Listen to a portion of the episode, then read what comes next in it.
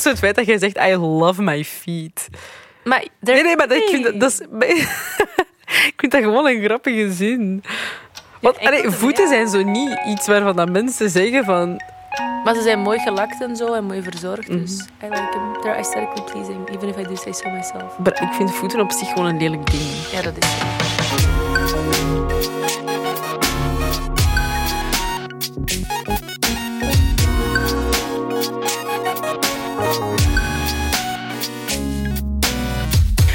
Kregen ehm, onlangs een berichtje op eh, de Instagram van Bless the Mess. Iemand zei, willen jullie vaker de Kardashians nadoen? Dat is kei grappig. Oh my god, ja, oké. Wat zei Kim onlangs? Ah, People don't want to work these days. They think that everything just comes to them, but they don't want to work. It's like people just think that we are just chilling and we're not doing anything. like get your ass up and work. yeah. Of zo. Um, you have this big ass house, but you have no Wi-Fi in your backyard. It's not about Wi-Fi. It's about radiation. Trager. It's about radiation. You're gonna die anyway. At least have a good Snapchat going through.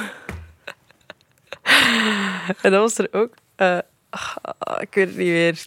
Zo'n- I feel like this is the year of realizing things, of experiencing things. realizing Realizing. things. I feel like this year we're going to just realize a lot of stuff. like this is I just want to realize things.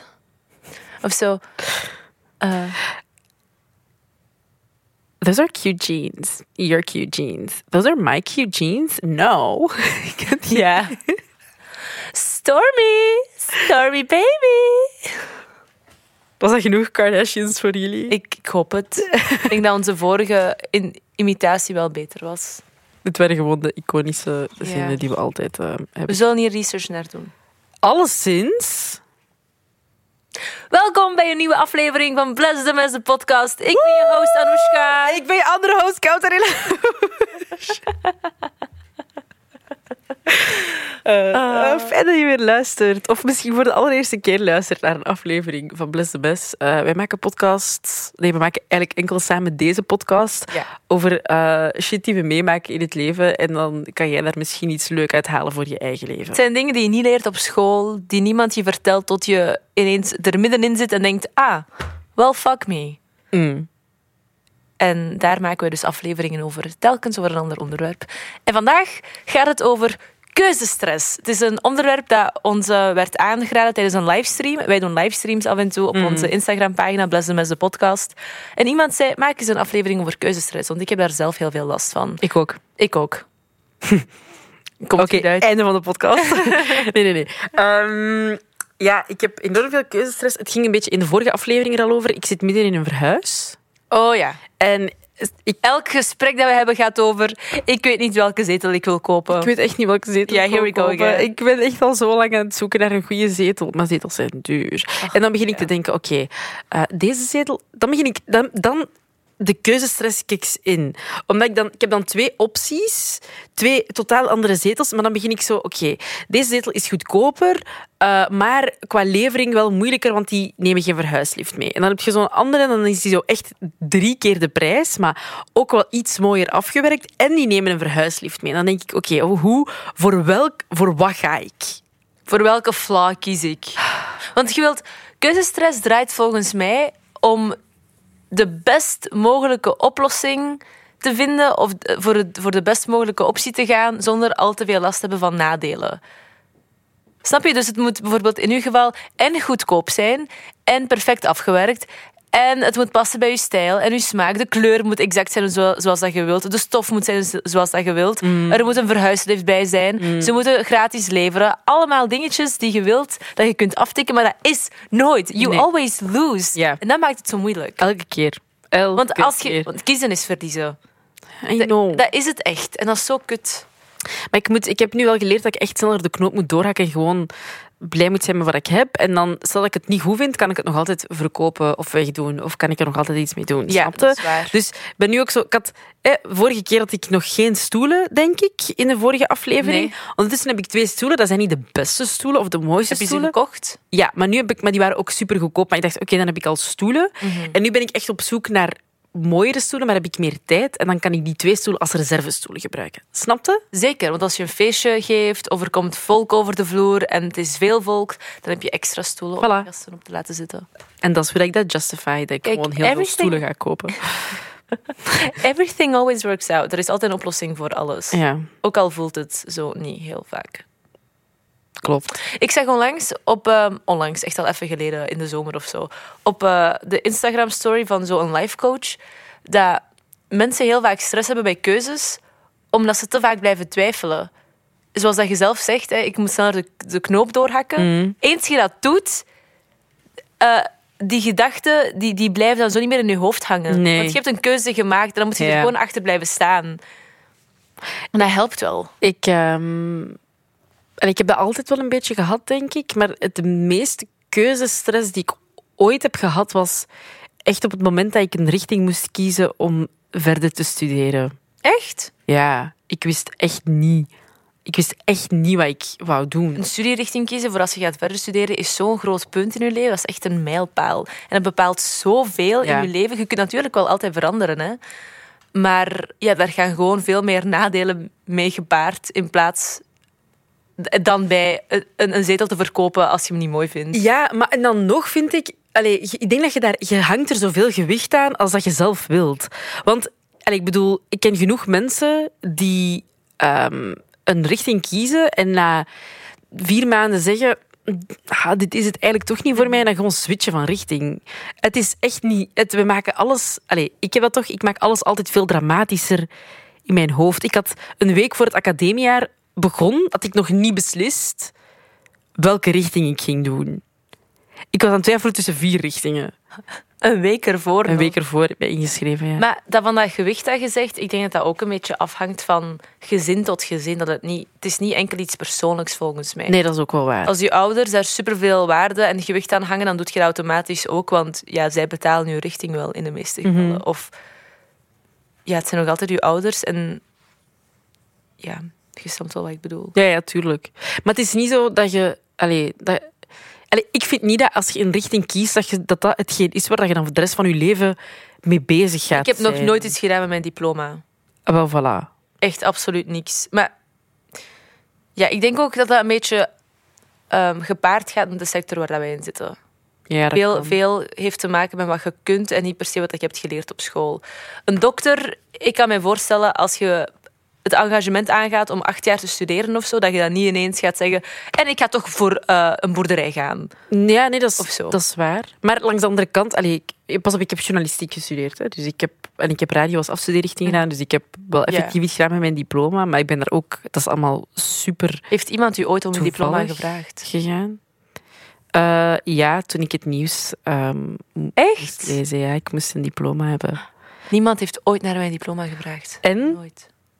Wat ik ook wel vind, is dat een, een, een, allee, verder studeren, dat helpt u wel in uw ontwikkeling als ja, mens. absoluut. Dat sowieso. Dus allee, dat, vind ik niet... allee, die keuze van wel studeren of niet studeren is voor mij makkelijk gemaakt. Sowieso wel, Wel, gaan studeren. Maar het is zo, wauw. Ik heb echt getwijfeld tussen logopedie en dan journalistiek en dan eh, leerkracht lager onderwijs en eh modetechnologie was dat in Gent. Compleet andere dingen. Deze range Ja. van, van richtingen En dan is zo breed. kwam mijn zus en dan zei die, doe journalistiek. En dan dacht ik, mm, oké, ik heb gewoon de beslissing eigenlijk bij iemand anders gelaten. Wat eigenlijk echt raar is. Klinkt heel erg als, als jij. Als ik, ja. Maar zo ben ik ook. Hoe vaak dat ik je stuur... Zo, toen ik naar L.A. ging, toen ik je Airbnb's doorstuurde, ik legde pretty much de beslissing in uw handen. ja, maar ook zo... Kies, wat moet ik doen? Het ding is, en dan maak ik een keuze en dan heb je telkens een waslijst van dingen waarom die keuze absoluut niet de juiste keuze is. En dan denk ik... Oké, waarom vraag je het mij dan? het was dat ik echt beter zo- kan weten wat ik wil. Dat was echt zo, ja, eh, dit, dit appartement... En dan was ik zo, ah, dit appartement is wel mooi. Ja, maar het heeft een groot raam. Ja, oké, Yes. maar ik ging... Oké, even context. Ik ging alleen ergens zitten voor zes weken op een plek waar ik niemand ken. En ik had ineens het beeld in mijn hoofd ehm, dat iemand mijn raam ging kapotslaan en mij ging komen vermoorden. Dus ik wou absoluut geen groot raam meer. Snap ik. Dus ja, vandaar. Oké, maar dan is uw keuze toch makkelijk. Waarom stuurt je mij dat dan ook door? Omdat het mooi was en omdat ik niks beters vond. Ah, ja. Dus ik had zo gewoon iemand nodig die zei, dat groot raam is niet zo erg, maar het werkte niet, want het, was, het bleef erg in mijn hoofd. Toen zei mijn psycholoog, ja, maar waarom ga- gaat, gaat je niet gewoon ehm, een stok halen uit de lokale brico en zet dat eh, in het systeem van het schuifraam, dan kan niemand je raam meer openen. Ah. ja, maar smart, but what if they break in? What if they break my window? Maar ik heb het daarna wel kunnen Dat loslaten. gaan ze echt. En ik bedoel... Well, you don't know. no, but you don't... Jij weet dat toch ook niet? But it's possible. But is it? It is. Alles, is, alles kan. Oké, maar wat is, de, wat is de kans dat iemand uit al die appartementen in L.A. uw appartement eruit gaat kiezen? Ja, ik dacht in mezelf, ik let niet goed op. Wat als ik mijn ramen wagenwijd open laat staan, nee, mijn gordijnen wagenwijd open laat staan en ik, ik kleed mij om en ik ben naakt. En iemand denkt, I want to kill her. dit, dit I verhaal, want to rape her. dit verhaal dat jij in je hoofd hebt verzonnen is zo unhinged. Wie gaat één? Waarom zou... Allee, ik bedoel, je doet whatever dat je wilt in je, in je vrije tijd, maar waarom zag je u in het midden van de living helemaal naakt rondlopen? Because Because you can. that's what I do sometimes. Zeker als ik alleen ben. Ja, oké, maar dat snap ik. Maar je gaat toch nooit... Je voelt toch dat het, de gordijnen openstaan. Al mijn buren hebben mij al naakt gezien. I'm sure. En heeft iemand ooit het idee gehad om u om die reden te komen vermoorden? Ja, nee, maar ik zit ook op het eerste verdiep. Niemand gaat daar aan raken. Er is geen balkon aan of niks. Anyway, deze gedachtegang is taking too much space in deze Maar aflevering. dat doet mij denken aan... eh, nee, maar het heeft wel te maken met uw keuzes. Ja. Dat is- Want het vertrekt vanuit een punt. Maar het Ja. doet mij even denken aan een, een verhaal dat ik heb gelezen deze week in de krant van een burenruzie. En... ehm omdat je zegt van, die- dat iemand mij ziet en die wil mij vermoorden, want dat is even onlogisch als het verhaal dat ik heb gelezen Het is deze week. super logisch, maar go on. Ehm, dat was, en die, die, ik blijf dat een hilarisch verhaal vinden. Dus die buurman was kwaad op zijn buurvrouw omdat hij stinkende voeten heeft. Die Dat is die toch te grappig? of- Nee, dat heeft hij echt aangevallen. Dus die vrouw had technische issues in haar huis en die is dan bij haar buurman gegaan omdat, ik weet niet, dat geen water of iets, er was iets mis. En die was dan gewoon bij hem geweest en dan... eh, ja, hij had haar dan ontvangen en hij had haar blijkbaar een opmerking gegeven van yo, besef je dat je voeten stinken? En zij wou daar dan blijkbaar niks aan doen. En ze had zoiets van oké. En dan is die man agressief geworden en dan... ehm, die nu zijn die aan het uitvechten in de rechtbank. But, I mean, is it... maar Wat? Smelly feet. Maar kon hij die stinkende voeten ruiken van bij zijn thuis? Nee, ik denk het niet. Gewoon op dat moment zelf. Op dat kon hij moment niet zelf. met die geur omgaan? Ja, ik denk het. Amai. Ja. Oei. Maar Dan dus vraag ik me af hoe hard moet het wel niet hebben gestonken. Naar, en waar, waar stonk het naar? Die details heb ik niet gelezen. Ja, wil ik wel weten nu. Ehm, maar dus... Misschien Even moet die vrouw eens gaan opzoeken. Oké. Ah, het gebeurt wel vaak, zeker zo in, in domeinen waar ik niet heel veel ervaring in heb. Dat ik bijvoorbeeld heb gebeld met iemand of iemand heeft mij een vraag gesteld dat ik rechtstreeks naar u belde en zeg ze hebben dit gezegd, wat moet ik doen?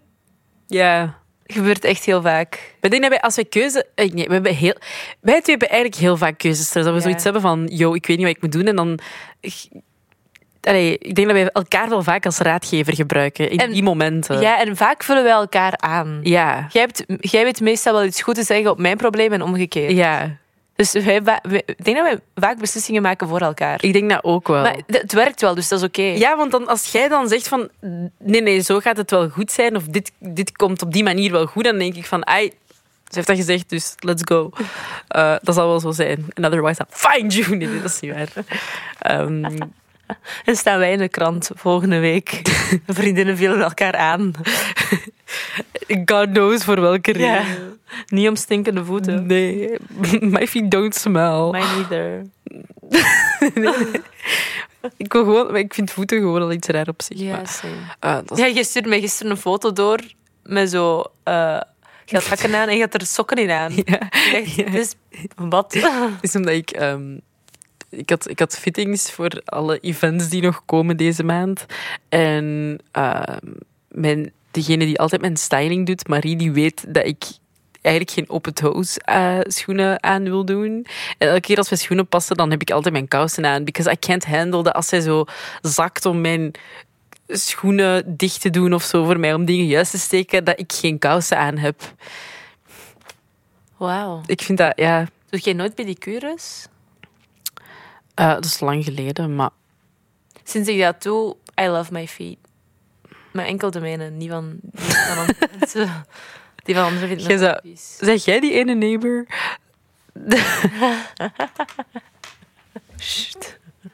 Don't get me in trouble. Ik mag hier niet over praten van mijn advocaat. Ook zo het feit dat jij zegt, I love my feet. Maar Nee, nee, maar dat, ik, vind dat, dat is, ik vind dat gewoon een grappige zin. Want allee, voeten zijn zo niet iets waarvan dat mensen zeggen van... Maar ze zijn mooi gelakt en zo en mooi verzorgd. Mhm. Dus I like them. They're aesthetically pleasing, even if I do say so myself. Maar ik vind voeten op zich gewoon een lelijk ding. Ja, dat is zo. Zelfliefde. Maar niet over mijn voeten. I draw the line. Al de rest is wel in orde, of wat? Bij mij? Ja. Absoluut niet.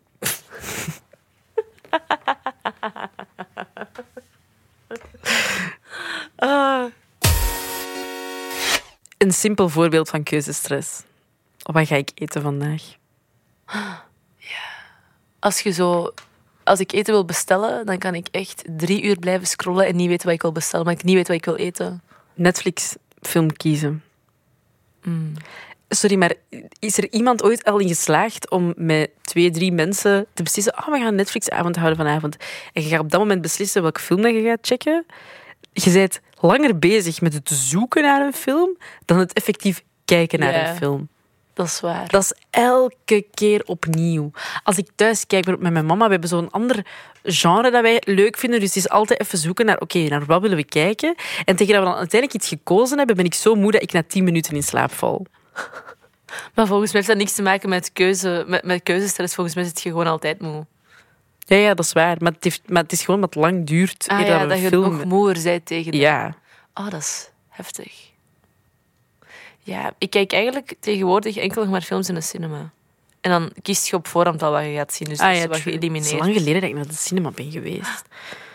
Echt heel lang geleden. Ik wou zeggen, zullen we gaan? Maar ja, wanneer? Oké, keuzestress. Oh. Elke ochtend wanneer ik een outfit moet kiezen. Onmogelijk. Ik kijk naar mijn kleerkast die bomvol zit en ik denk, ik heb niks om aan te doen.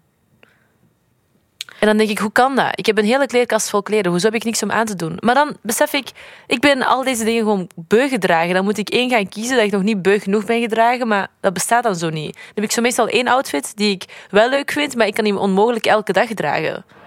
En dan zit ik vast. Ja, heel herkenbaar. Dat is zo vervelend. Dat is heel herkenbaar. En bij wat ik dat ook altijd heb, keuzestress, is bijvoorbeeld, je hebt een, een broek of een topje en, of een trui. En dan heb je dat in drie verschillende kleuren.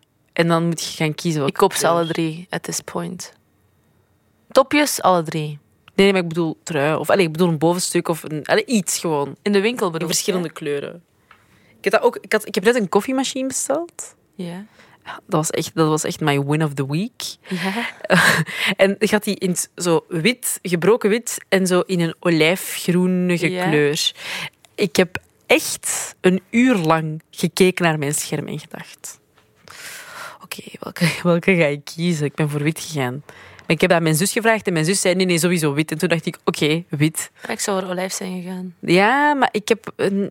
Don't. Dat vingertje. Heb je spijt? long. Nee, omdat mijn redenering was... Als ik wit neem... Mijn appartement gaat al redelijk veel kleuren zijn. Mhm. En als ik wit neem, is dat wel zo één neutraal ding. Anders is het zo een mix van felle kleuren en dan ineens dat olijfkleurige ding ertussen. Dat gaat, niet, dat gaat clashen met de rest. Ik snap het. Ik vind ol- olijfkleur gewoon een heel mooie kleur. Mhm. Ik ook. De, de pijn in uw stem.